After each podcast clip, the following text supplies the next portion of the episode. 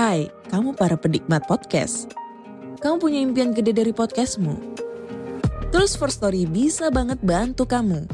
Mulai dari F-Link, Dynamic Audio Insertion, sampai statistik yang komprehensif. Semua ada di First Story. Gak ketinggalan kamu bisa monetisasi podcastmu lewat iklan dari First Story Ads yang bisa kasih kamu penghasilan dari setiap place podcastmu. Yuk gabung sekarang dengan klik di firststory.me. Sekali lagi, klik di firststory.me. Mari kita bawa mimpi podcastingmu menjadi kenyataan.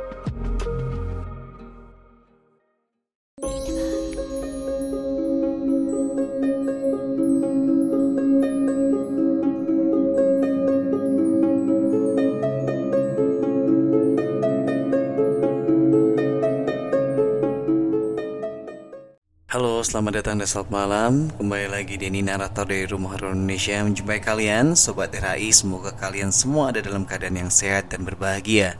Maaf ya kalau Kamis dan Sabtu yang lalu tidak bisa tayang Karena saya ada keperluan di luar kota. Nah udah pulang-pulang Ternyata provider internetnya ngadat gangguan di daerah saya. Oke segitu aja curcolnya Dan kali ini saya akan menceritakan mengenai Pengalaman seorang pemotor yang dikerjai makhluk halus Oke inilah dia. Berbet. Perkenalkan nama saya Budi. Saya sudah beberapa kali mengalami kejadian mistis. Merasakan dan melihat sendiri beberapa jenis penampakan makhluk halus. Banyak cerita yang pernah saya dengar dari ayah, kakek, dan keluarga lain yang pernah mengalami kejadian mistis Atau bertemu hantu Kali ini saya ingin menceritakan sebuah cerita nyata yang kakak laki-laki saya dan teman-temannya pernah alami di lokasi yang sama. Kakak laki-laki saya sebut saja namanya Mas Bowo. Kebetulan ditempatkan kerja di suatu kota, sebut saja kota C, yang berjarak kurang lebih 120 km dari rumahnya yang ada di kota B. Dan jika ditempuh dengan sepeda motor, bisa memakan waktu sekitar tiga setengah jam perjalanan. Setiap Jumat malam atau Sabtu pagi ia menyempatkan pulang untuk bertemu dengan anak istrinya di rumah. Kota C ini adalah sebuah kota yang berada di pesisir pantai. Dan jalan akses untuk menuju atau meninggalkan kota ini harus melewati deretan sawah yang luas.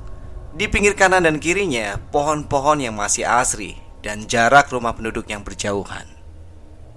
Kalau kita lalui pada siang hari, memang menjadi pemandangan yang indah dan terasa menenteramkan. Tetapi apabila dilalui pada malam hari dengan penerangan jalan yang tidak merata, maka akan menjadi perjalanan yang menyeramkan.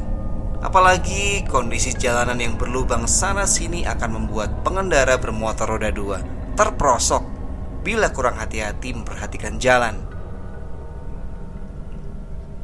Jumat itu, sepulang kerja, Mas Bowo sudah berada di kontrakannya di kota C. Ketika hari menjelang maghrib, badannya yang letih membuat pikirannya galau karena hari itu anaknya berulang tahun yang keempat. Dia bingung antara pulang malam itu atau besok paginya. Ketika rebahan di kasur, Mas Bowo memutuskan untuk pulang esok hari, mengingat pulang ke kota B dengan motor bisa memakan waktu cukup lama. Ditambah lagi terdengar gemuruh suara petir, menandakan malam itu akan turun hujan lebat. Ketika mengambil wudhu dan bersiap-siap sholat maghrib, telepon di HP-nya berdering. Terdengar suara ibu kami yang mengharuskan Mas Bowo untuk pulang karena anaknya alias cucu dari ibu kami ini mau berulang tahun. Mas Bowo akhirnya mengubah keputusannya setelah sholat maghrib, dia segera meluncur memacu sepeda motornya dengan kecepatan tinggi. Tidak peduli dari jauh terdengar suara petir menyambar-nyambar. Harapannya bisa segera sampai di rumah dan menyambut anaknya untuk merayakan ulang tahun bersamanya. Namun ketika tiba di batas luar kota C, Mas Bowo kembali dibuat galau Apakah memilih melewati jalur utama yang jalannya lebih bagus walau jaraknya lumayan jauh? Atau melewati jalur memotong yang lebih dekat namun melewati deretan sawah yang jarang ada rumah penduduknya? Dan di tengah-tengahnya terdapat jembatan yang terkenal angker. Cerita seram dimulai. Mas Bowo memutuskan lewat jalur memotong ini karena bisa menghemat perjalanan hingga 40 menit. Mantel sudah dipakainya. Dia menerobos hujan lebat malam itu dengan kilatan-kilatan petir menyambar. Dia melantunkan doa-doa agar perjalanannya lancar dan motor tidak terkendala kempes atau mogok. Karena sepanjang perjalanannya tadi hanya satu dua kendaraan saja yang dia temui. Jantung Mas Bowo mulai berdegup kencang ketika deretan rumah terakhir mau dilaluinya dan menuju hamparan sawah sepanjang hampir 3 km dengan balutan hujan lebat dan suasana gelapnya malam.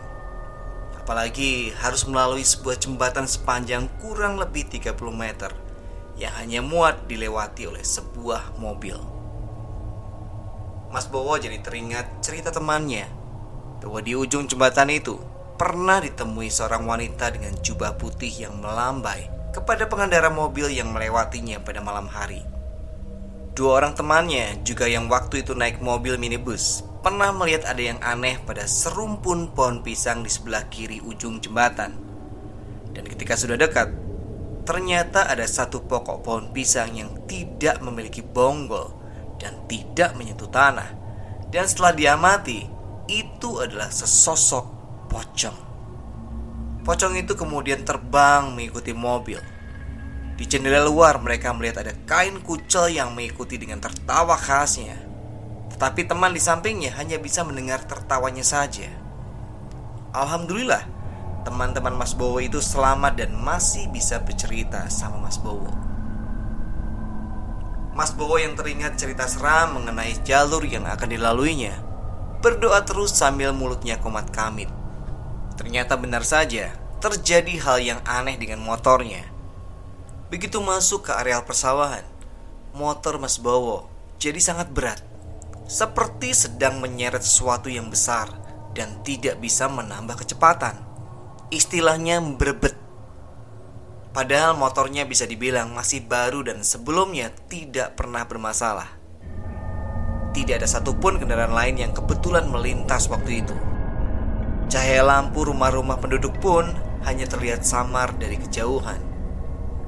Dengan tetap berkonsentrasi dan motornya yang terasa berat, pelan-pelan motor Mas Bowo maju meninggalkan areal persawahan yang gelap gulita itu. Alhamdulillah, pikir Mas Bowo. Akhirnya dia bisa keluar dari wilayah yang jauh dari pemukiman warga itu. Sebelum keluar dari jalan alternatif dan masuk ke jalan utama, di sana dia harus melewati perlintasan rel kereta api. Sebenarnya hati Mas Bowo sudah mulai tenang, walaupun kecepatan motornya masih sama, seperti motor yang mau mogok. Namun dia merasa keanehan lain terjadi lagi.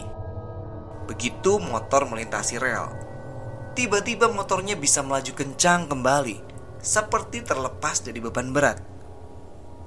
Karena penasaran, Mas Bowo menoleh ke belakang, dan alangkah kagetnya ketika dia melihat sesosok bayangan putih yang terbang menjauh sambil tertawa dengan sangat menyeramkan, disertai suara petir menggelegar memecah keheningan malam. Rupanya selama ini motornya ditumpangi oleh sosok astral itu, sehingga terasa berat. Mas Bowo langsung tajam gas tanpa berani untuk menoleh ke belakang lagi. Dia terus memacu motornya untuk menempuh sisa perjalanan yang masih dua jam lagi. Alhamdulillah, setelah itu akhirnya dia sampai ke rumahnya tanpa kendala dan bisa ikut merayakan utah anak semata wayangnya. Oke itu tadi akhir dari cerita horor kita pada malam hari ini. Kalau kalian punya cerita horor atau pengalaman mistis, kirim saja ke denny.ristanto1104 at gmail.com Terima kasih untuk mendengarkan sampai akhir. Semoga kalian semua terhibur. Sampai ketemu di cerita berikutnya. Selamat malam. Selamat beristirahat.